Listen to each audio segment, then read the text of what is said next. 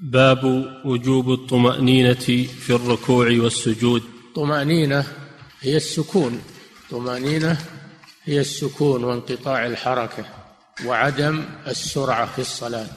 عدم السرعة والنقر في الصلاة.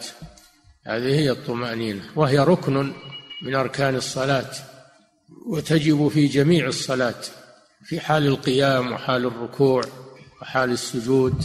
وحال الجلسة بين السجدتين طمأنينة ركن من أركان الصلاة. لو تركها لم تصح صلاته وهو الذي ينقر الصلاة ويخففها تخفيفا مخلا ولا يطمئن فيها. نعم. عن أبي هريرة رضي الله عنه أن رسول الله صلى الله عليه وسلم دخل المسجد فدخل رجل فصلى. ثم جاء فسلم على النبي صلى الله عليه وسلم. فرد النبي صلى الله عليه وسلم السلام فقال ارجع فصل فإنك لم تصلي. فرجع الرجل فصلى كما كان صلى. ثم جاء فسلم على النبي صلى الله عليه وسلم فقال رسول الله صلى الله عليه وسلم وعليك السلام. ثم قال ارجع فصلي فإنك لم تصلي ثلاثا. فقال الرجل والذي بعثك بالحق ما أحسن غيره فعلمني. فقال صلى الله عليه وسلم إذا قمت إلى الصلاة فكبر. ثم اقرأ ما تيسر معك من القرآن. ثم اركع حتى تطمئن راكعا. ثم ارفع حتى تعتدل قائما ثم اسجد حتى تطمئن ساجدا ثم ارفع حتى تطمئن جالسا ثم افعل ذلك في صلاتك كلها. نعم. هذا حديث المسيء في صلاته هو الحديث المشهور عند العلماء. يسمونه حديث المسيء في صلاته. دخل هذا الرجل والنبي صلى الله عليه وسلم جالس في المسجد. فهذا فيه مشروعية الجلوس في المساجد لذكر الله عز وجل ولطلب العلم والتعليم وكان وكان أصحابه حوله كان أصحابه حوله جالسين يتلقون منه العلم. فدخل هذا الرجل وصلى ثم جاء وسلم على النبي صلى الله عليه وسلم. دخل الرجل وصلى. هذا فيه دليل على أن من دخل المسجد وهو يريد الجلوس أنه لا يجلس حتى يصلي ركعتين كما قال صلى الله عليه وسلم إذا دخل أحدكم المسجد فلا يجلس حتى يصلي ركعتين. تحية المسجد. فسلم على النبي صلى الله عليه وسلم. هذا فيه مشروعية السلام على الجالسين وعلى الماشين وعلى إفشاء السلام. هذا من أعظم شعائر الإسلام وهو يزيل البغضاء من النفوس ويزيل الأحقاد وله آثار طيبة. قال صلى الله عليه وسلم لا تدخلوا الجنة حتى تؤمنوا. ولا تؤمنوا حتى تحابوا. ألا أدلكم على شيء؟ إذا فعلتموه تحاببتم أفشوا السلام بينكم.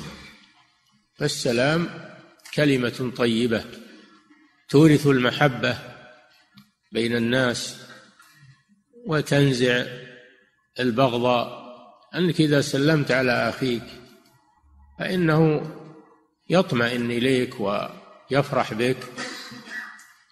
ويحبك. خلاف ما إذا لم تسلم عليه فإنه يكون في نفسه شيء.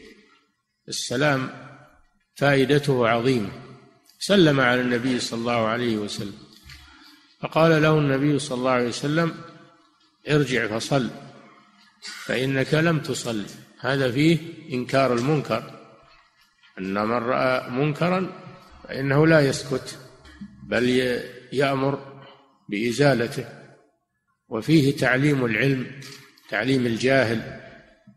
فإذا رأيت على إنسان قصورا في عبادته فإنك تنبهه على ذلك ولا تسكت. تقول ما علي منه؟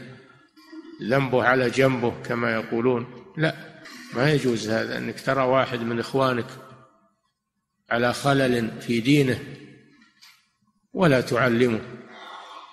لكن لا. لا تعلمه بطريقة منفرة أو تقول له أنت ما تحسن أنت جاهل أو ما أشبه ذلك من الألفاظ النابية بل بلطف بلطف.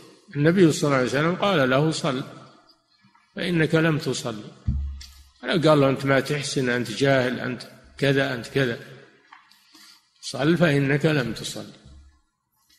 كلمة طيبة. ثم ذهب عاد وصلى ثم جاء وسلم على النبي صلى الله عليه وسلم فرد عليه السلام. هذا فيه مشروعية رد السلام ولو تكرر. ثم قال له ارجع فصل فإنك لم تصلي. فعاد الرجل وصلى. ثم جاء وسلم على النبي صلى الله عليه وسلم المرة الثالثة. فقال له وعليك السلام ارجع فصل فإنك لم تصل عند ذلك توقف الرجل وقال والذي بعثك بالحق نبيا لا أحسن غير هذا. فعلمني الرجل احتاج إلى التعليم واعترف بالجهل وطلب من النبي صلى الله عليه وسلم أن يعلمه. فقال له النبي صلى الله عليه وسلم إذا قمت إلى الصلاة فكبر. هذا فيه وجوب تكبيرة الإحرام. وهي ركن من أركان الصلاة. فلو دخل في الصلاة من غير تكبير لم تنعقد. ولو أتى بلفظ غير التكبير كان يقول لا إله إلا الله أو أستغفر الله أو ما أشبه أو سبحان الله لم يكفي هذا. بل لا بد من أن يأتي بالتكبير فيقول الله أكبر. إذا قمت إلى الصلاة فكبر. كبر أي قل الله أكبر. هذه تكبيرة الإحرام. ثم اقرأ ما تيسر معك من القرآن. كقوله تعالى فاقرأوا ما تيسر من القرآن. وهذا مجمل يفسره الأحاديث الأخرى أن المراد قراءة الفاتحة وما تيسر بعدها من القرآن. الفاتحة تتعين قراءتها وهي ركن قراءتها ركن من أركان الصلاة. وما زاد عليها في الركعتين الأوليين فهو مستحب. هذا معنى ما تيسر معك من القرآن. كما يأتي في الأحاديث أنه لا صلاة لمن لم يقرأ بفاتحة الكتاب فالمراد قراءة الفاتحة هذا لا بد منه وما تيسر معها من القرآن. وقراءة الفاتحة ركن من أركان الصلاة في حق الإمام وفي حق المنفرد هذا بالإجماع. وأما في حق المأموم فهذا فيه الخلاف كما يأتي. ثم اركع حتى تطمئن راكعا الركوع ركن من أركان الصلاة ولا بد فيه من الطمأنينة بأن ينحني ويجعل يديه على ركبتيه ملقما كل يد ركبة مفرجا بين أصابعه ويمد ظهره مستويا ويجعل رأسه حيالة لا يخفضه ولا يرفعه هذا الركوع ويطمئن فيه. أو مجرد ينحني ثم يرتفع على طول؟ لا. ما يكون هذا هو الركوع المطلوب. لعدم الطمأنينة فيه. ثم اركع حتى تطمئن راكعا. ثم ارفع يعني من الركوع حتى تعتدل قائما. الاعتدال بعد الركوع ركن من أركان الصلاة.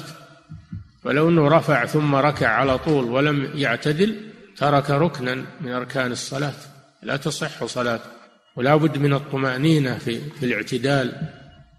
كان صلى الله عليه وسلم يمد الاعتدال حتى يقال إنه قد أوهم أو قد نسي يطيل عليه الصلاة والسلام. ثم اسجد يعني على الأرض حتى تطمئن ساجدا كما هو في الركوع. يعني يسجد على الأعضاء السبعة الجبهة مع الأنف واليدين والركبتين وأطراف القدمين. كلها يضعها على الأرض. قوله صلى الله عليه وسلم أمرت أن أسجد على سبعة أعظم. وذكرها صلى الله عليه وسلم. ويطمئن في السجود. هو إذا وصل الأرض ارتفع. لا يبقى ساجدا ويقول سبحان ربي الأعلى يكرر ويدعو ثم ارفع حتى تعتدل جالسا يعني بين السجدتين. والاعتدال بين السجدتين ركن من أركان الصلاة ويطمئن فيه فلا يرفع ثم يسجد على طول. ترك ركنا. إذا رفع من السجود ثم سجد مرة آه، سجد الثاني على طول ولم يعتدل جالسا فإنه لا تصح صلاته لأنه ترك ركنا بل ترك ركنين. ترك ركنين. ركن الاعتدال وركن الطمانينة بين السجدتين. ثم قال له صلى الله عليه وسلم ثم افعل ذلك في صلاتك كلها. يعني في بقية الصلاة. الركعة الثانية مثل الأولى والثالثة والرابعة كلها على هذا النمط.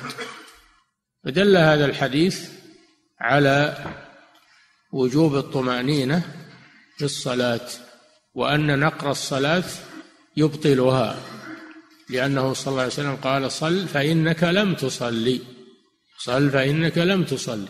فدل على أن نقر الصلاة يبطلها ولا تصح فلا بد من الطمأنينة في جميع الأركان كما وصى كما وصى بذلك النبي صلى الله عليه وسلم. وهذا تعليم لهذا الرجل ولغيره من من الأمة إلى أن تقوم الساعة. قالوا وهذا الحديث اقتصر فيه النبي صلى الله عليه وسلم على اقتصر فيه صلى الله عليه وسلم على الواجبات في الصلاة. وهناك أشياء مستحبة ومشروعة لكنها مكملات. ما يأتي في الأحاديث الأخرى من صفات للصلاة فإنها زيادات مكملة. وهذا الحديث فيه بيان الصلاة المجزئة. بيان الصلاة المجزئة. فالعلماء اعتمدوه. اعتمدوا هذا الحديث على أنه بيان للصلاة المجزئة الصحيحة. وأن ما زاد على ما ذكر فيه فهو من المكملات. وقد يكون التكميل واجبا وقد يكون مستحبا.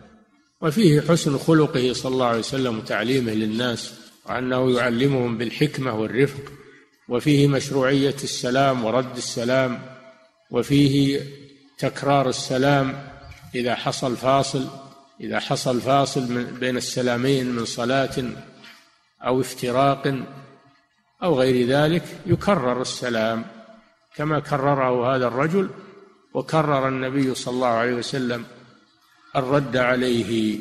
وكل ما كثر السلام فهو أفضل لأن هذا من إفشاء السلام.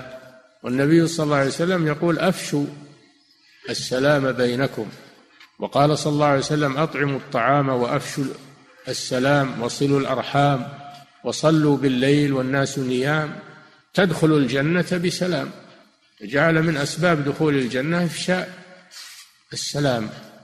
فالسلام له تأثير عجيب في المسلمين بين المسلمين وتركه يسبب نفرة لأنه لو لقيك واحد ولا سلم عليك صار في نفسك عليه.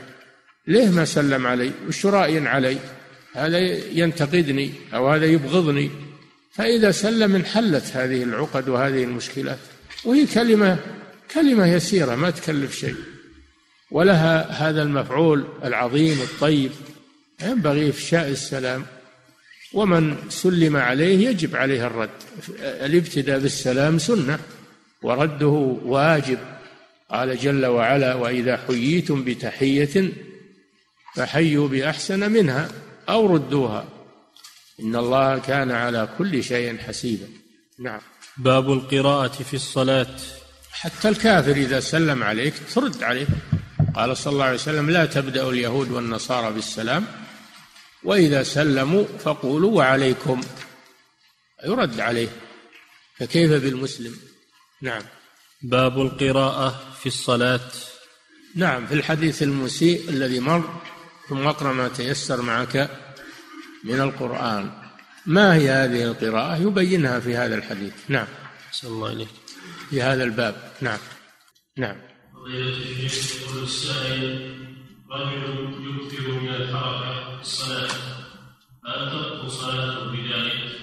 نعم إذا كان لغير حاجة إذا كانت الحركة من غير جنس الصلاة وكانت لغير حاجة وكانت متوالية فإنها تبطل الصلاة نعم